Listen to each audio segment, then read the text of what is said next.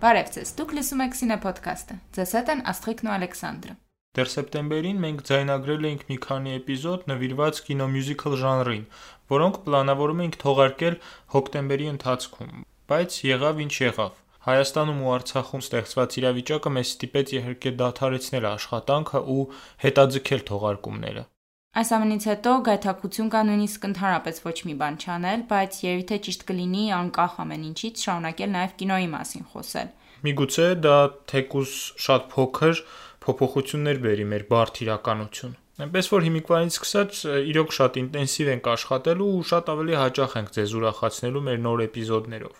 Այս տարին իհարկե բարդ էր նաև կինոաշխարհի համար։ Համավարակի պատճառով փառատոնները չեղարկվում էին կամ, այսպես ասած, կիսով չափ էին անցկացվում, on-line կամ սահմանափակումներով էին անցնում։ Կինոթատրոնները մեկ բացվում, մեկ փակվում էին, հիմա էլ խիստ սահմանափակումներ են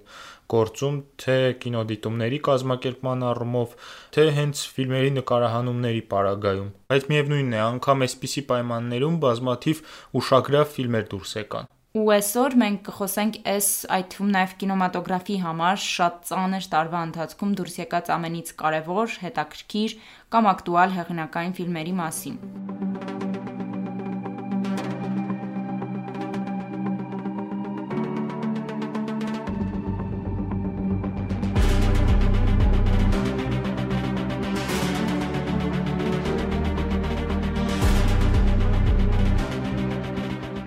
Ու սկսենք Tenet ֆիլմից, Փաստարկը, Քրիստոֆեր Նոլանի, որը երևի այս տարվա ամենամեծ կինոթատրոնային պրեմիերան էր հատկապես հաշվի առնելով այն փաստը, որ հենց Tenet-ով պետքա մարդիկ վերադառնային կինոթատրոններ ու երևի թե ամենաառաջին տենց մեծ կինոպրեմիերաներ համավարակի պայմաններում։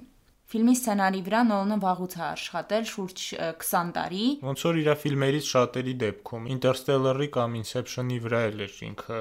բավական երկար աշխատել ու գաղափարը այդ ֆիլմերի նույնպես շատ վաղուց էր ծագել Նոլանի մոտ։ Դեռ այն ժամանակ, երբ ինքը ընդհանրապես հնարավորություն չուներ մեծ բյուջեով ֆիլմ նկարել։ Ֆիլմում գործողությունները շատ արագ են զարգանում ու սյուժեն բավականին բարդ է ու նույնիսկ իմաստել չունի մի քանի բառով փորձել պատմել սյուժեի մասին։ Միայն կարելի ասել, որ լրտեսական պատմության տարրեր ունի ու շատերը նույնիսկ ինչ որ համեմատություններ էին տանում Ջեյմս Բոնդի մասին ֆիլմերի հետ, հատկապես հաշվի առնելով Նոլանի մեծ սերը Ջեյմս Բոնդի նկատմամբ, բայց իրականում այստեղ շատ ավելի կենտրոնական դեր ունեն ճանապարհորդությունները ժամանակի մեջ ու ժամանակի հետ խաղը, որ առհասարակ pa ne olvasar nolani. Եվ իթե ճանապարհորդություններ ժամանակի մեջ բառակապակցությունը մի քիչ տեղին չի այստեղ, որովհետև երբ մենք խոսում ենք այդպիսի ճանապարհորդությունների մասին, հիմնականում պատկերացնում ենք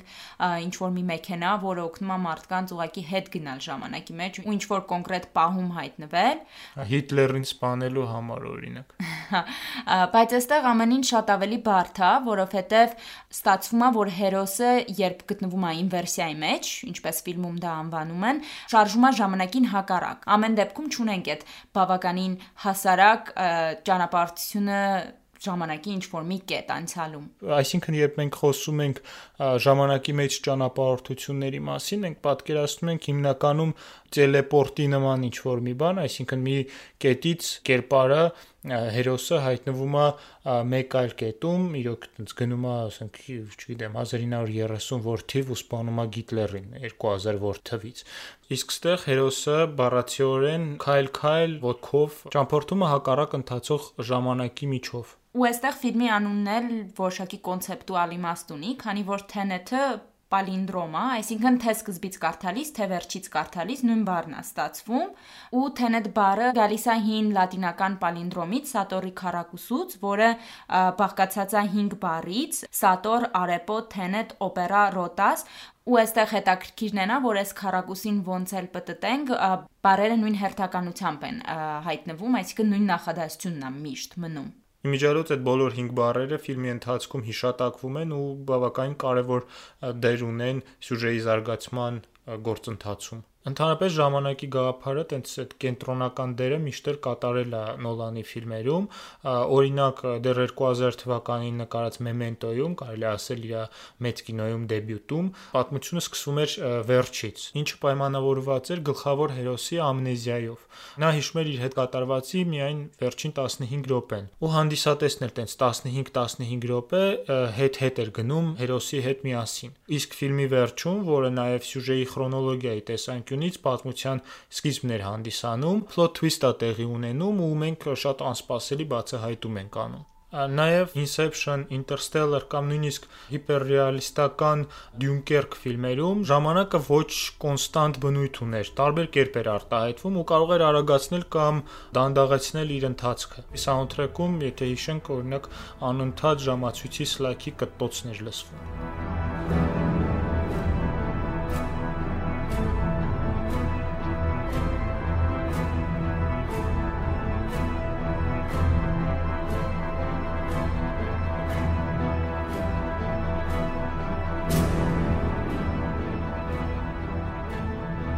ու վերջապես Tenet-ում ժամանակը դարձավ ֆիլմի լիիրավ գլխավոր հերոսը։ Ստեղ ինձ թվում է, որ սյուժետային բոլոր մանրուքները, կերպարների դրդապատճառները ու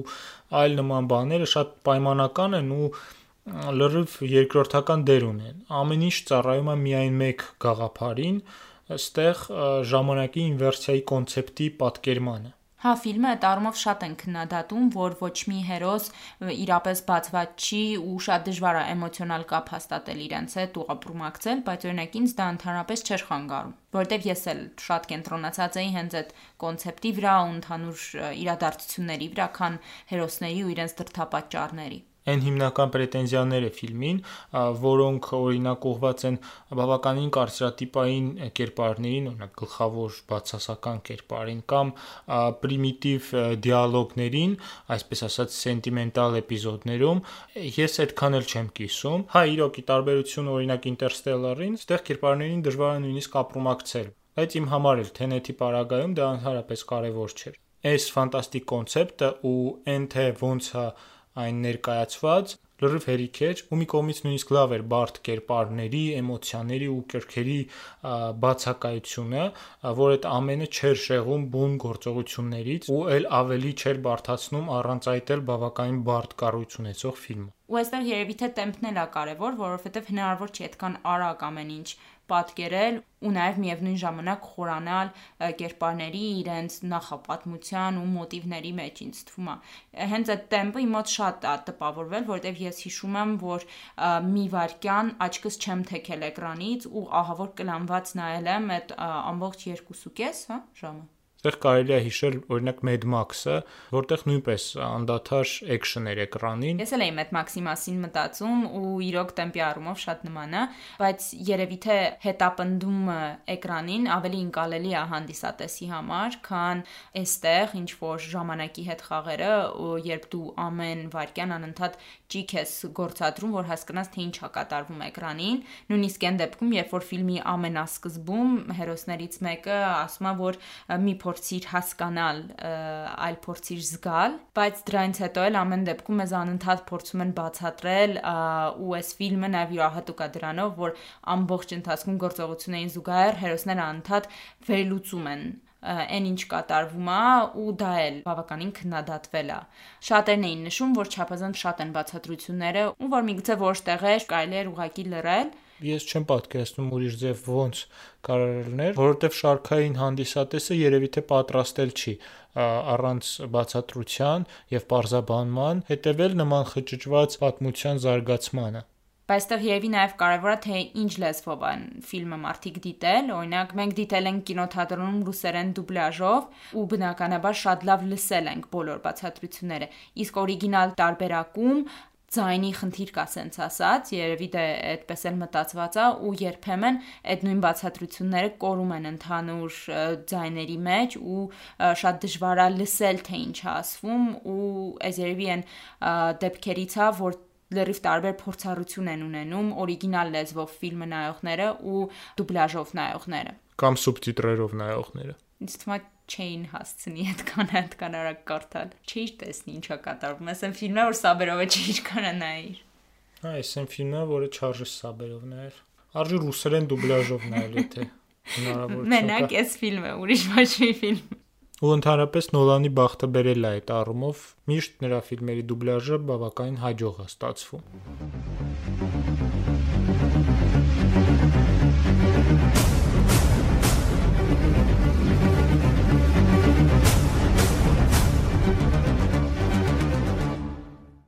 Մի պա վերադառնալով իդի թեմային, ոնց նշեցինք, այս ֆիլմի վրա շատ մեծ էին հույսերը մարդկանց կինոթատրոններ հետ բերելու, ու բնականաբար դա չստացվեց,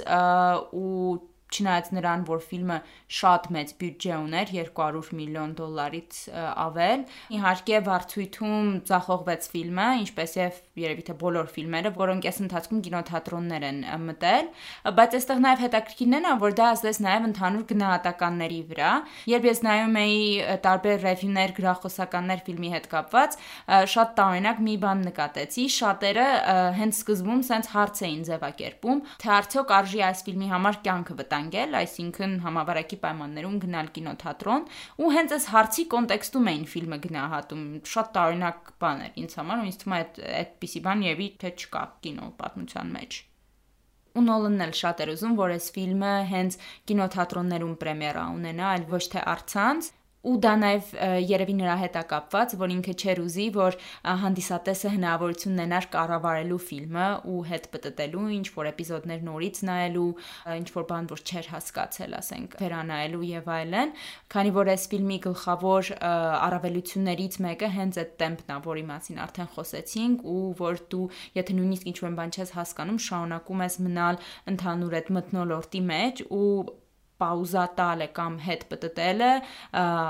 լրիվ կփչացներ երևի թե տպավորությունը։ Այ ես ընդհանրապես համարում եմ, որ ցանկացած ֆիլմի պարագայում է դա ճիշտ, ու ցանկալի չի ստոպ տալ օրինակ ֆիլմը կամ հետ պտտել, քանի որ դրանով խաթարվում է ֆիլմի բնականon ընթացքը, իսկ կինոյի որպես արվեստի գլխավոր բնորոշիչ տարրը, էլեմենտը ու հիմքը հենց ժամանակն է ու ես հենց այդ խորթին էլ հետևեցի ու չփորձեցի բացահայտել ինչ որ տարբեր պատմությունների կապակցվածությունը, հերոսներին եւ այլն, այլ ուղակի զգացի ֆիլմը ու ինձ համար դա շատ հաճելի ու հիշվող փորձառություն էր։ Ինձ ֆիլմը իրոք շատ դուր եկավ ու ես շատ տպավորված դուրս եկա կինոթատրոնից, բայց երևի այստեղ շատ մեծ դեր ունի նաև սուբյեկտիվ նշանակությունը ինձ համար Tenet-ի, կարելի ասել ինչ որ սիմվոլիկ նույնիսկ նշանակությունը, որովհետև այս ֆիլմին դու երկար էիր սպասում, երևի հա հունվարից սպասում էիր ֆիլմի պրեմիերային ու երբ որ համավարակը սկսվեց, հասկացանք, որ հետաձգվելու է հասկացան որ ցուցադրությունը հետաձգվելու է, այդ ոնց որ առաջին խոչընդոտն էր, սենց ասած, ու հետո երբ սեպտեմբերին ամեն դեպքում հասավ Հայաստան ֆիլմը, մենք արդեն պլանավորում էինք, որ սեպտեմբերի 28-ին, 29-ին կամ 30-ին այդ շաբաթվա մեջ մի օր, ասենք ինչ որ առավոտյան ցուցադրության կգնան, որ քիչ մարդիկ լինեն ու վարակման հավանականությունը փոքր լինի եւ այլն, ու այդ պլանավորման մեջ էինք, երբ պատերազմը սկսեց ամսի 27-ին ու դու զինակոչվեցիր ու ես հիշում եմ այդ ընթացքում հոկտեմբերի ինչ որ ամենահիմար բանը որ երևի թե արել եմ այդ ստուգում էին թենեթը դեռ կա ցուցադրության մեջ թե չէ ոնց մտածում էի որ ոնց որ պետքա հետ գաս ու մենք անպայման գնանք թենեթը նայենք ու որ ոնց որ աշխարհ չկայնա քեզ հետ պահի թենեթը կինոթատրոնում նայելուց ու տենց էլ եղավ ու երբ որ մենք նոյեմբերի կեսերին հա արդեն ու երբ որ մենք նոյեմբերի կեսերին ամեն դեպքում նայեցինք TNT կինոթատրոնում ինձ համար այդ sense ինչ որ սիմվոլիկ բան էր, որի, հա, որի միջոցով ես ոնց որ փակում էի այդ ամ այդ էջը այդ ամեն ինչը ոնց որ թողնում էի անցյալում ու չգիտեմ շարժում էի առաջ ինչ որ sense բանը սենտիմենտալ է ու պաթետիկ է հնչում իհարկե, բայց չգիտեմ, ես այդ ֆիլմ, այս ֆիլմի վրա այդքան ինչ որ նշանակություն դրեցի ու երևի նաև դրա համար շատ հաճույքով նայեցի ու շատ ինչ որ ֆիլմը ինձ շատ sense էներգիա փոխանցեց ու երևի ֆիլմի միջոցով էլ շատ ոնց որ լիցքաթափվեցի ու ահա որ շատ բացասական, հա, էներգիա դուրս եկավ, որը կուտակվել է այդ ժամանակի ընթացքում։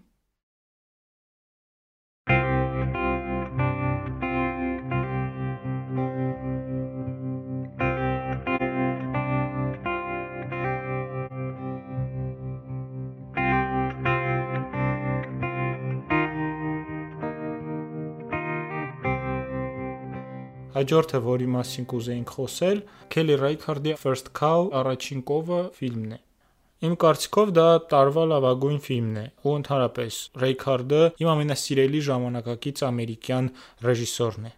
Ես եմ կարծում, որ միանշանակ ամենալավն էր այս տարվա ֆիլմերից։ Գործողությունները տեղի են ունենում 19-րդ դարի 20-ականներին ոսկե տենդի ժամանակ Օրեգոնի տարածքում, ժամանակակից Ամերիկայի հյուսիսային հատվածում։ Ճիշտ է, այն տարիներին դեռ Օրեգոնը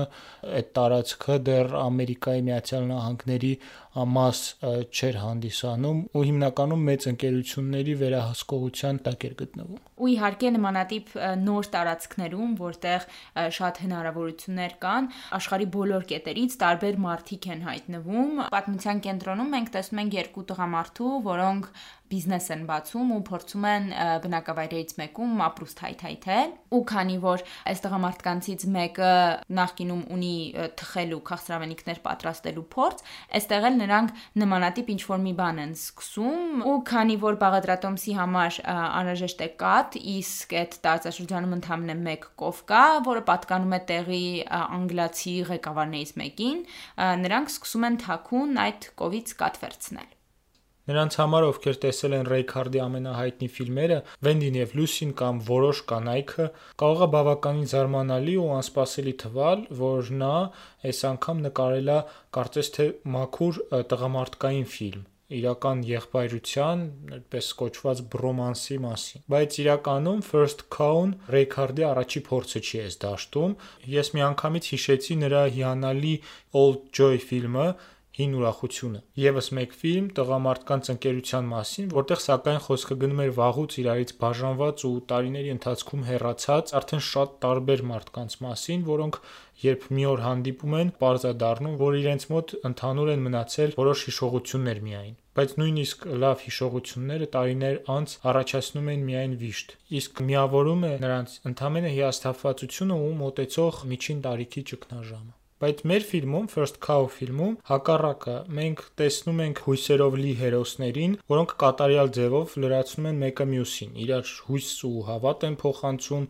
ու տալիս այն, ինչ ամեն մեկի մոտ պակասում է։ Բացի այդ, հերոսները ունեն կոնկրետ գործողությունների պլան։ Նրանք գիտեն ինչ անել, գործում են, այլ ոչ թե ափսոսում չարած բաների համար։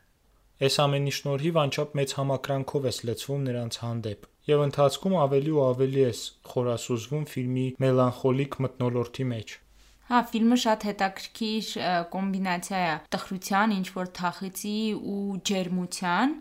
ոնց նշեցի, իրոք շատ հեշտ է համակրանքով լցվել այս հերոսների նկատմամբ ու դրան նպաստում է ոչ միայն իրանց ինչ որ հատկանիշները, այլև այն թե ոնց է իրանց առօրյան պատկերված։ Ռայքարդի ֆիլմերին ընդհանրապես բնորոշ է շատ մանրամասների պատկերումը, օրինակ այստեղ դա կարա լինի ինչ որ կոշիկներ, երբ մենք տեսնում ենք հերոսներից մեկի նոր կոշիկները ու որ ընթացքում ինքը ստիպված ցխով է պատում դրանք, որ մարդիկ չնկատեն, որ դրանք նոր են, կամ ինչպես ենք մենք տեսնում ենք թե ինչպես է ինքը պատրաստում այդ քաղցրավենիքը, նույնիսկ մանրամասն ասեն գործիքները, ինչով է խառնում խմորը, կամ այն տունը, որ իրենք իրենց համար գտնում են ու լցնում էլի տարբեր փոքր իրերով, ամեն ինչը շատ մանրամասն է ու շատ ջերմություն փոխանցող է։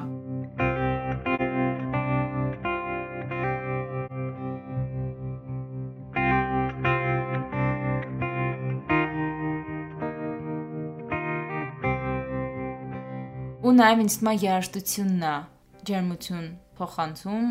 ինձ շատ դուր եկավ այստեղ երաժշտությունը, որը ինչ որ նման հա մեղեդիներ են անընդհատ պատտվում ու տեմպն էլ ֆիլմի շատ հանգիստ է, դանդաղ է, չի շտապում ֆիլմը գործողությունները զարգացնել, բայց դրան զուգահեռ մենք ամեն դեպքում անընդհատ ինչ որ լարվածություն ենք զգում ու ինձ համար նաև տարօրինակ էր, որ միայն մեկ կովով, միայն մեկ կովի միջոցով կարելի է այսպիսի հանդարտ ֆիլմ այդպիսի սասպենս ստեղծել։ Ու առհասարակ կովը այստեղ շատ կարևոր սիմվոլ է, որի միջոցով ռեժիսորը խոսում է տարբեր քաղաքական թեմաների մասին։ Օրինակ մի հետաքրքիր էպիզոդ կա ֆիլմում, երբ նոր կովը բերում են այս բնակավայր ու տեղի պանդոկում տղամարդիկ հավաքված տարբեր թեմաներից են խոսում ու նաև կովից ու նրանցից մեկն ասում է, որ եթե Աստված այս տարածքում կով չեր ստեղծել, ապա դա կովի տեղը չի ու մեկ ուրիշն էլ քմծիծաղով նշում է, որ այդ դեպքում սպիտակ մարդիկ էլ այստեղ չպետքա լինեն, որովհետև Աստված նրանց այստեղ չի ստեղծել ու սրա միջոցով թեթևակի ոնց որ անդրադարձ արվում Ամերիկայի գաղութացմանը ու նաև իհարկե այն փաստը, որ կովը պատկանում է անգլացու տեղի կարևոր դեմքերից մեկին, որը չնայած նրան, որ ամբողջ բնակավայրը բավականին խղճուկ աղքատիկ վիճակում է, ինքը շատ լավ տեղավորված է, իր առանձնատանը լավ կահավորված ու նաև կարողանում է այդ պայմաններում բավականին sense վայրի պայմաններում շատ դասական անգլիական թեյախմություն կազմակերպել ու կովի կաթը, որը մեր հերոսների պարագայում ապրուստի միջոց է Իսկ անգլիացու դեպքում թեյի համար հաճելի հավելում է ընդհանրապես, որը ըմպելիս կարելի է քննարկել Փարիզի մոդայի վերջին տենդենսները ու հետաքրքիր է, որ կաթը ժամանակակից աշխարհում, ինչպես նաև 19-րդ դարում աշխարհի որոշ հատվածներում շատ հեշտ հայթայթվող բան էր, իսկ մեր պատմության մեջ հենց կաթն է այս հասարակ բաղադրիչը, որը սովորական կենցաղային բանը, կենցաղային գործողությունը վերածում է հանցագործության։ Ու ինչու է դա հանցագործություն, որովհետև parza կովը եւ կաթը պատկանում են ավելի բարձր դասակարգի ներկայացուցչին եւ արդեն այստեղ ինչ որ վայրի նոր տարածքներում կապիտալիստական հարաբերությունների ակունքներն ենք մենք տեսնում մի համակարգի, որին դեմ գնալը նշանակում է դիմել շատ մեծ ռիսկերի, ինչև անգամ կյանքը վտանգի տակ դնելը։ Իսկ մեր երկու գլխավոր հերոսները, թեև ոչ վախկոտ են, ոչ էլ կամազուրկ, բայց երևի չափից դուրս փափուկ են ու ներողամիտ ինչի պատճառով նրանք տեղ չունեն մի երկրում, որի հիմքում ընկած են դաժան կապիտալիզմն ու տոտալ էքսպլուատացիան։ Ռայքհարդի ֆիլմերում հաճախ է լինում զգացողություն, որ ինքը հանդիսատեսին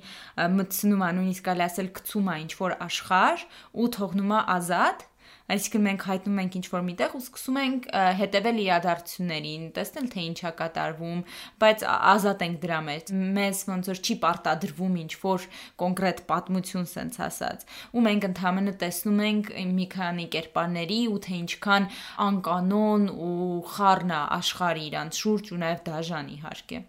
Ու Ռայքհարդին իրոք հաջողվել է այս բոլոր բարդ թեմաների մասին խոսել շատ նուրբ, հանգիստ ու པարզ լեզվով։ Անպայման արժի դիտել այս ֆիլմը։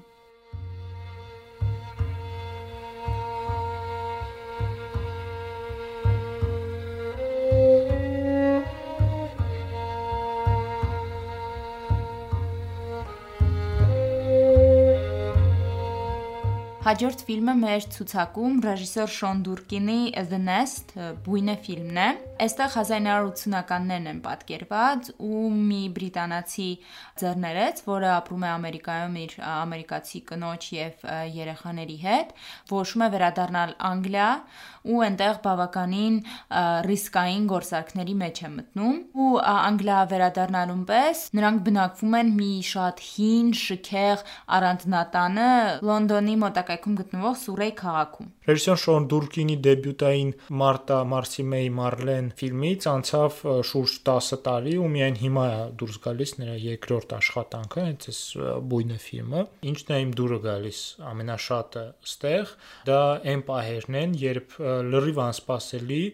հայտնվում է միստիկայի արկայության էֆեկտ, որը այստեղ առաջին հայացքից դասական դրամայում կարծես ընդհանրապես չպիտի լինի։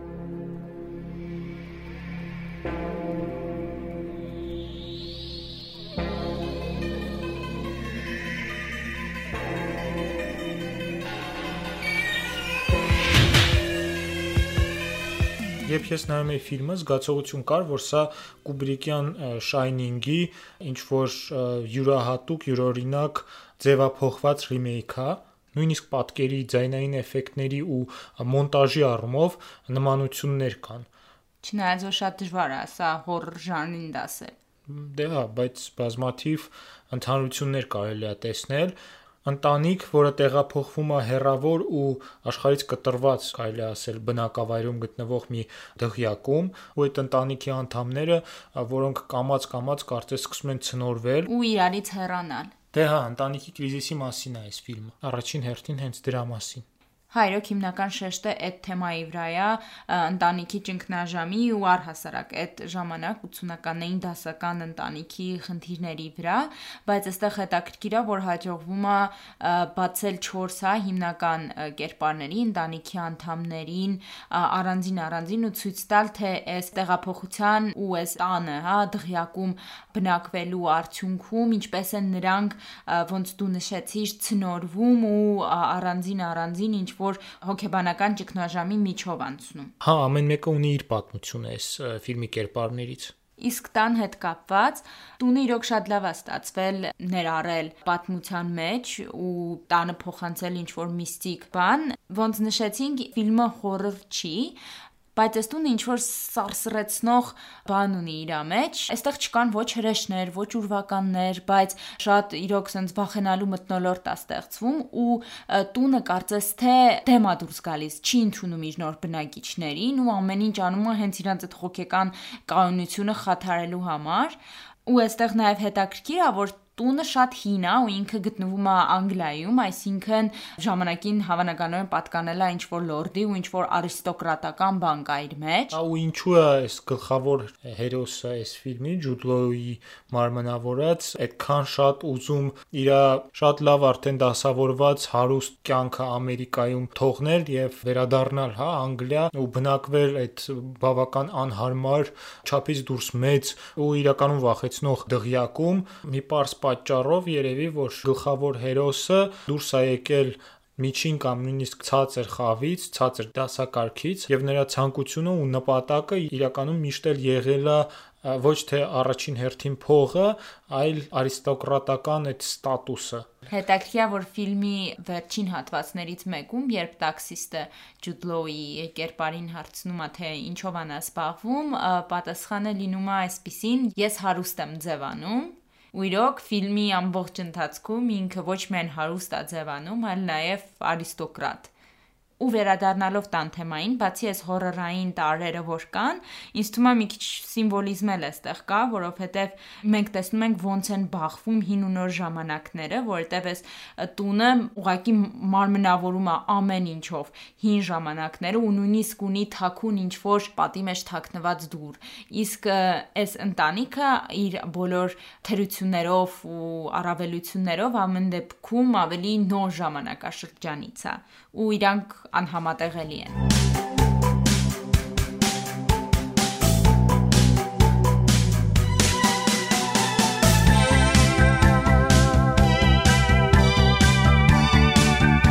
Այս ֆիլմը դժվար թե շեդևր համարվի, բայց սա այն դեպքն է, երբ բոլոր կոմպոնենտները ամենաբարձր մակարդակի վրա են գտնվում սցենարից ու ռեժիսուրայից մինչև դերասանական խաղը։ Արդյունքում ավանդական ու մի փոքր անգամ հնաոճ ֆիլմ ստացվեց, ինչը տվյալ դեպքում միայն որպես կոմպլիմենտ է պետք ընկալել։ Քանի որ հենց դա էր ամենաճիշտ տարբերակ այդքան աուտենտիկ ռետրո ստիլիստիկա ստեղծելու համար։ Հա, ես էլ դիտման ընթացքում անդադ մտածում էի, թե ինչքան բնական է ստացել 80-ականների ստիլիստիկան ու ինչքան առանց ջանքերի կարծես։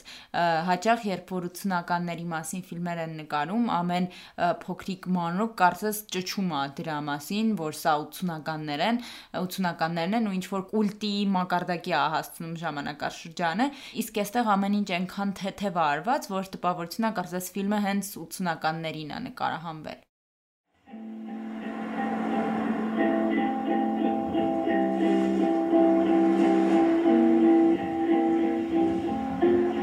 Ինչպիսի տարի առանց կորեացի ռեժիսորների։ Նույնիսկ 2020-ը։ Հա, հետեւաբար ժամանակն է եկել անդրադառնալու Հոն Սանսուի կինը, որը փախավ ֆիլմին։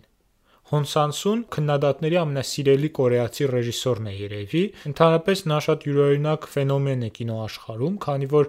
նրա ֆիլմերը մեկը մյուսին շատ նման են, թե սյուժեի, թե ոճի առումով։ Նույնիսկ տպավորություն է ստեղծվում, որ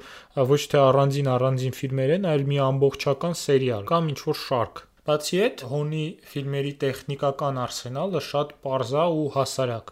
Նա օրինակ շատ է սիրում zoom օգտագործել, ինչը ժամանակակից պրոֆեսիոնալ կինեմատոգրաֆում ուղղակի նոնսենս է։ Բայց այս սյուժեի առումով ֆիլմերը բոլորովին այդքան པարզ չեն, որքան կարող է առաջին հայացքից թվալ։ Հաճախ դրանք կարծես փոքրիկ հանելուկներ լինեն ու լուծումը գտնելու համար պետքա տեսածը շատ լուրջ վերլուծել ու չնայած ֆիլմերը, ինչպես ասեցի, իրար նման են, Հոնին միշտ հաջողվում է ծանոթ սյուժեներ օգտագործելով բոլորովին նոր նարատիվային կառույցներ ստեղծել։ Այդ մեթոդի ապոֆեոզ կարելի է անվանել Հիմա ճիշտ, հետո սխալ ֆիլմը, որտեղ մի պատմության երկու ալտերնատիվ տարբերակ ենք տեսնում։ Այսինքն ֆիլմը բաղկացած է իրարից համարյա չտարբերվող երկու մասից, որոնցում նույն հերոսները նույն լոկացիաներում հայտնվում են նույն իրավիճակներում, բայց ընդամենը փոքրիկ նյուանսները եւ թեթևակի փոփոխված գործողություններն ու իրադարձությունները բերում են երկու տարբեր արդյունքի։ Նրա ֆիլմերում առկա են որոշակի օրինաչափություններ։ Օրինակ հերոսները անպայման պետք է հանկարծակի անսպասելի հանդիպում ունենան իրենց հին ծանոթների հետ, նստեն կաֆեում, խմեն սոջու, հարբեն, բողոքեն իրենց կյանքից, քանի որ համարյա միշտ գտնվում են ստեղծագործական ճգնաժամի մեջ։ Միգուցե այդ բոլոր կերպարները հենց Հոն Սանսուի ալտեր էգոներն են ու հենց նա է, որ միշտ գտնվում է այդ ստեղծագործական կրիզիսի մեջ ու դրա պատճառով է, որ համարյա նույն ֆիլմն է նկարում անընդհատ մանավանդ որ շատ հաճախ նա վերցնում է իր ու շրջապատող մարդկանց կյանքից որոշ իրական էպիզոդներ ու կարծես էսկիզների է վերածում, էսկիզներ է նկարում դրանց հիման վրա։ Բայց իհարկե շատ դժվար է սա ստեղծագործական ճգնաժամ անվանելը, քանի որ նրա մոտ այս ֆիլմերը իրոք շատ լավ են ստացվում։ Ու այս ֆիլմում էլ, որի համար Միչայլոց Հոնսանսուն այս տարվա Բերլինի կինոփառատոնում արժանացավ լավագույն ռեժիսոր մրցանակի, մենք նորից տեսնում ենք հանդիպումներ հին ծանոթների հետ, պատահական եւ ոչ պատահական։ Պատմության կենտրոնում մի կին է, որը գնում է հանդիպելու իր երեք ընկերուհիներին։ Ընդհանրապես վերջին տարիներին Հոնսանսուի կինոներում շատ կենտրոնական տեղ են զբաղեցնում հենց կին հերոսուհիները։ Ու այստեղ էլ Մենք տեսնում ենք նրանց իրենց սովորական կենցաղի մեջ ու նորից հերոսները ինչ որ բան են ուտում, խմում են, միգուցե ոչ սոջու, այլ գինի ես դեպքում, ու ուղղակի զրուցում են իրենց կյանքի մասին, չեն ունենում ոչ մի խիստ իմաստալից խոսակցություններ, սովորական ուղղակի զրույցներ, ինչպես մենք ենք ունենում ամեն օր։ Ու այստեղ էլ ոնց դու նշեցիր, հաճախ թվում է թե նարատիվը կրկնվում է, բայց ամեն ֆիլմում ինչ որ նոր հա նարատիվային կառույց է ստեղծում, ինչ որ setting կա ֆիլմի, որը հենց այդ ֆիլմին է հատուկ։ Այս դեպքում էլ մենք տեսնում ենք այս երեք հանդիպումները ու տեսնում ենք ինչ որ ընդհանուր տարրեր։ Օրինակ, հանդիպումներից երկուսի դեպքում մենք տեսնում ենք հսկիչ տեսախցիկներ, որոնց միջոցով հնարավոր է, ասենք, շքամուտքի դեմը կատարվող ինչ որ բաների հետևել։ Գամաֆոնի նման էլի։ Ահա, ուղղակի տեսախցիկով ու մեր հերոսուհին երկու անգամ հա հետևում է իրադարձություններին այս տեսախցիկի միջով։ Այսինքն նաև վոայերիստական ինչ որ բան կա։ Միգուցե, բայց ավելի շատ օտարացման ինչ որ էֆեկտ կա։ Առանց դել այս մարտիկ շատ մեկուսացված են թվում, նույնիսկ չգիտեմ, ինքնամեկուսացված միգուցե, նրանցից առաջի երկուսին մենք տեսնում ենք իրենց բնակարաններում ու օրինակ առաջի կինը ասում է, որ ինքն ապրում է հերու, հա, ու շատ հազվադեպ է տնից դուրս գալիս, մյուս կինն ապրում է մենակ ու կրկին մենք ինչ որ հասարակությունից կտրվածության զգացողություն ենք ունենում ու այս տեսախցիկները միայն նպաստում են այդ զգացողության ուժեղացմանը ու ակտուալ են դարձնում նաև մեր օրիա իրավիճակում, երբ կորոնակրիզիսի պատճառով մարդիկ կամա թե ակամա պետք է օտարացվեն, հա, ինքնամեկուսանան ու օտարացվեն, ու այստեղ չնայած այս ֆիլմը նկարված էր իհարկե դեռ դրանից առաջ շատ տեղին ու արդիական է ստացվել մի ուրիշ ընդհանություն որ կա երեք պատմություններում էլ դա մեջքով կանգնած տղամարդն է որի դեմքը համարյա մենք չենք տեսնում ու իհարկե նաև անդադ կրկնվող խոսակցությունները որոնք բնորոշ են Հոնսանսուին այս դեպքում գլխավոր հերոսուհին երեք ընկերուհիներին էլ պատմում է իր ամուսնու մասին ու իրենց փոխհարաբերությունների մասին ու ամեն անգամ մենք լսում ենք նույն պատմությունը, բայց ինչ որ նոր մանրամասներով, փոքր շատ աննշան մանրամասներով, որը մեզ օգնում է ավելի լավ հասկանալ մեր հերոսուհուն ու ընդհանուր պատկեր հա ստեղծել։ Հա, ու նաև ընդհանուր պատկերացում ստեղծել նրա մասին։ Իրականում շատ թեթև ֆիլմ է ստացվել, բայց ամեն դեպքում թախծոտ ու մելանխոլիկ, ինչպես երևի թե իր բոլոր ֆիլմերը։ Ու իրականում էս ամբողջ առօրեականության հետևում մենք ինչ որ տրագիկ բան ենք ակնկալում, չնայած ոչ մի կոնկրետ բան չկա դրա մասին, ոչ մի ձև չի նշվում ինչ որ ողբերգության կամ ինչ որ շատ դաժան փորձությունների մասին, բայց այդ ծանր զգացողությունը ամեն դեպքում չի լքում, հատկապես ֆիլմի վերջում։ Հոնսանսուն այս ֆիլմում նաև ինքնաիրոնիայի է դիմում։ Երրորդ հանդիպման ժամանակ ընկերուհին մեր հերոսուհուն պատմում է իր ամուսնու մասին ու նշում է, որ նա հարցազրույցների ժամանակ անընդհատ կրկնվում է, ինքն իրեն կրկնում է անընդհատ ու նույն բաներն է ասում ու դա իրեն շատ նյարդայնացնում է ու մի քիչ իհարկե ծիծաղելի է ստացվում, քանի որ Հոնսանսուն էլ է անընդհատ կշկնվում որոշ առումով, բայց միշտ ինչ որ նոր բան է ասում՝ ի տարբերություն այդ հերոսի։ Նրան համեմատում են երբեմն Վուդի Ալենի հետ, բայց իմ կարծիքով այդքան էլ տեղին չեն, միայն երևի այն պահով են իրար նման, որ երկուսն էլ շատ են ֆիլմեր նկարում, համարյա ամեն տարի մի նոր ֆիլմ է դուրս գալիս երկուսի մոտ ու նաև իհարկե այն, որ երկուսն էլ խոսակցական ֆիլմեր են նկարում։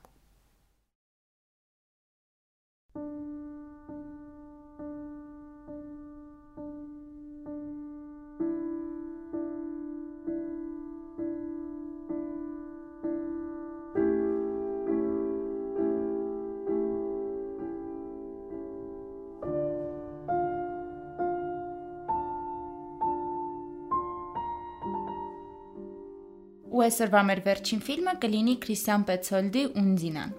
Ֆիլմի սյուժեն պատտվում է մի երիտասարդ աղջկա շուրջ, որը գիտ պատմաբան է ու աշխատում է Բերլինի թանգարներից մեկում, որտեղ խոսում է քաղաքի ճարտարապետության մասին։ Ու հետաքրքիր է, որ հենց հերոսուհու անունն է Ունձինա, Այս անունը գալիս է դերևս ռոմանտիզմի ժամանակաշրջանում 18-ից 19-րդ դարերում գրականության մեջ բավականին լայն տարածում գտած անսահման սիրո մասին պատմող միֆից, որտեղ ջրային նիմֆաները գայթակղում են տղամարդկանց ու վերջիններս այլևս նրանց թողնելու, հեռանալու հնարավորություն չեն ունենում, քանի որ դա կարող էր հանգեցնել իրենց մահվան։ Ուղղակի ստեղ ռոմանտիզմի դարաշրջանին հատուկ սյուժեն տեղափոխվում է ժամանակակից Բերլին, ու այդ ինքն իրենով արդեն հետաքրքիր օրինաչափության մասին է խոսում Պետցոլդի ֆիլմոգրաֆիայի կոնտեքստում, որովհետև նա համարվում է 2000-ականների եվրոպական ամենակարևոր կինոալիքներից մեկի, այսպես կոչված Բերլինյան դպրոցի հիմնադիրներից մեկը։ Իսկ Բերլինյան դպրոցի ֆիլմերը միշտ փորձում են լինել ռեալիստական, խոսել ժամանակակից մարդու խնդիրներից բայց տարիների ընթացքում հենց Պետցոլդը հեռացավ դպրոցի այդ չգրված օրենքներից ու սկսեց ավելի ու ավելի շատ անդրադառնալ անցյալին։ Սկզբում նկարեց Բարբարա ֆիլմը, որտեղ պատկերեց 80-ականների արևելյան Գերմանիան, հետո Փյունիկը, որի գործողությունները տեղի էին ունենում հետպատերազմյան Բերլինում։ Այնուհետև եղավ տրանզիտը, որում ընդհանրապես սինթեզվում է երկրորդ համաշխարհայինն ու ժամանակակիցը։ Նացիստական օկուպացիան գործում է ժամանակակից աշխարհի դեկորացիաներում։ Եվ վերջապես այս ֆիլմը՝ Ունդինան, որտեղ կրկին անցյալի կամ նույնիսկ լեգենդարի առասպելականի ու այսօրվա իրականության համադրություն է տեղի ունենում ու երևի այդ շեղումը գերռեալիստական կինոյի ուղուց ճիշտ քայլ էր Պետսոլդի համար, որովհետև նա վերջին տարիներին ավելի ու ավելի մեծ ճանաչվածություն է ձեռք բերում։ Ամբողջ աշխարհում իր ֆիլմերը ավելի հայտնի են դառնում։ Տրանզիտի մասին նշեցի, Միչայլոց Ունձինայում երկու գլխավոր դերակատարները նույնն են, ինչ Տրանզիտում, ու նույնիսկ արտակնապես, այսինքն հակոստի, միգուցե ոչի, ընդհանուր խաղի, կերպարների առումով բավականին էլի նման են ստացվել, ինչը զգացողություն է թողնում, կարծես ինչ որ ալտերնատիվ իրականությունում ենք ու նույն մարտիկ են, ու դա բնականաբար ել ավելի ուժեղացնում է ունձինայի մոգականությունը Քանի որ արդեն նշեցինք, որ ֆիլմը հիմնված է այդ լեգենդի վրա, բնականաբար շատ են ֆիլմում տարբեր մոգական տարրերը ու ջուրն էլ իհարկե, քանի որ ջրային նիմֆայի մասին է, ջուրն էլ էստեղ շատ էլի ինչ որ կախարդական բան ունի իր մեջ ու նաև այս փոքրիկ նյուանսը տրանզիտի հետ կապված բոլորը միասին շատ հետաքրքիր ատմոսֆերա են ֆիլմում ստեղծում։ Հա, կարելի ասել մոգական ռեալիզմի շատ հետաքրքիր օրինակ է այս ֆիլմը, բայց այս անսահման սիրո մասին պատմող հիմնական սյուժետային գիծը բարբերաբար ընդհատվում է Բերլինի ճարտարապետության մասին պատմություններով, ինչպես ասեցի, մեր գլխավոր հերոսուհին այս ֆիլմի պատմաբանա, գիդա ու ընթացքում ֆիլմի մի քանի անգամ մենք տեսնում ենք հատվածներ նրա լեկցիաներից ճարտարապետության մասին պատմող Բերլինի։ Ու այդ էպիզոդները կարծես ինտերմիսիաներ լինեն, ու ինչը բավականին անսպասելի է, դրանք անչափ հետաքրքիր ու գրավիչ են։ Առաջին հերթին երևի նրա շնորհիվ թե ոնց են նկարված։ Եվ ամենակարևորը, որ տարօրինակ կերպով այդ էպիզոդները հանգավորվում են հիմնական պատմության հետ ու այդ մոգական ռեալիզմի մտնոլորտը ոչ մի ձև չեն քանդում։ Ընթակառակը ինչ որ նոր շերտ են ավելացնում հա ինչ որ առումով ուժեղացնում են իրոք ու թվում է թե առաջին հայացքից ոչ մի կապ չունի, հա, Բերլինի ճարտարապետությունը ու դրա մասին խոսակցությունները այս սիրո պատմության հետ, բայց ընդամենը մի փոքրիկ դետալով այն փաստով որ գլխավոր հերոսուին պատմաբան է Պետցոլդը այս գիծը նույնպես մտցնում է ընդհանուր պատմության մեջ ու բացի նրանից որ իրոք շատ համահունչ է ամեն ինչ ստացվում ու լրացնում են իրար այս երկու տարբեր տեսակի, այսպես ասած, էպիզոդները։ Մի հետաքրքիր պահել կա, որ ճարտարապետության մասին այս խոսակցությունները շատ տեղին են նաև հնի ու նորի բախման կոնտեքստում։ Գլխավոր հերոսուին իր պատմություններից մեկում խոսում է 18-րդ դարում կառուցված մի պալատի մասին, որը պատերազմից, երկրորդ համաշխարհային պատերազմից հետո արևելյան Բերլինի հատվածում էր, ու քանի որ այդ տարածքը գտնվում էր ԽՍՀՄ վերահսկողության ու պրոտեկտորատի տակ, Պալատը ամբողջովին քանդում են, որ เป զի այդ վայրում ինչ որ սովետական շենք կառուցեն ու արդեն 21-րդ դարում Գերմանիայի վերամիավորումից հետո որոշում ա կայացվում պալատը ամբողջությամբ վերակառուցելու իր նախնական տեսքով ու այս շատ հետաքրքիր փաստը նորից մեզ բերում է այդ հնի ու նորի բախման ու միգուցե համադրման թեմային ու ոնց այս դեպքում ճարտարապետության միջոցով, հա, փորձում են հին ինչ որ մի բանը պալատը բերել նոր իրականություն, նույն ձևով է Պետցոլնա վերցնում ինչ որ հին միֆ, հին լեգենդ ու դա փորձում վերարտադրել մեր իրականությունում մեզ ծանոթ ինչ որ ձևերով։ Ու բացի այդ նաև կարողանում է ինչպես եւ իր նախորդ ֆիլմերում միավորել պատմականությունը Գերմանիայի ու գերմանական ժողովրդի ինչ որ պատմական տրավմաները շատ խիստ անձնական սիրային պատմության հետ ու դա շատ լավ է ստացվում, շատ նուրբ ու աննկատ ձևով։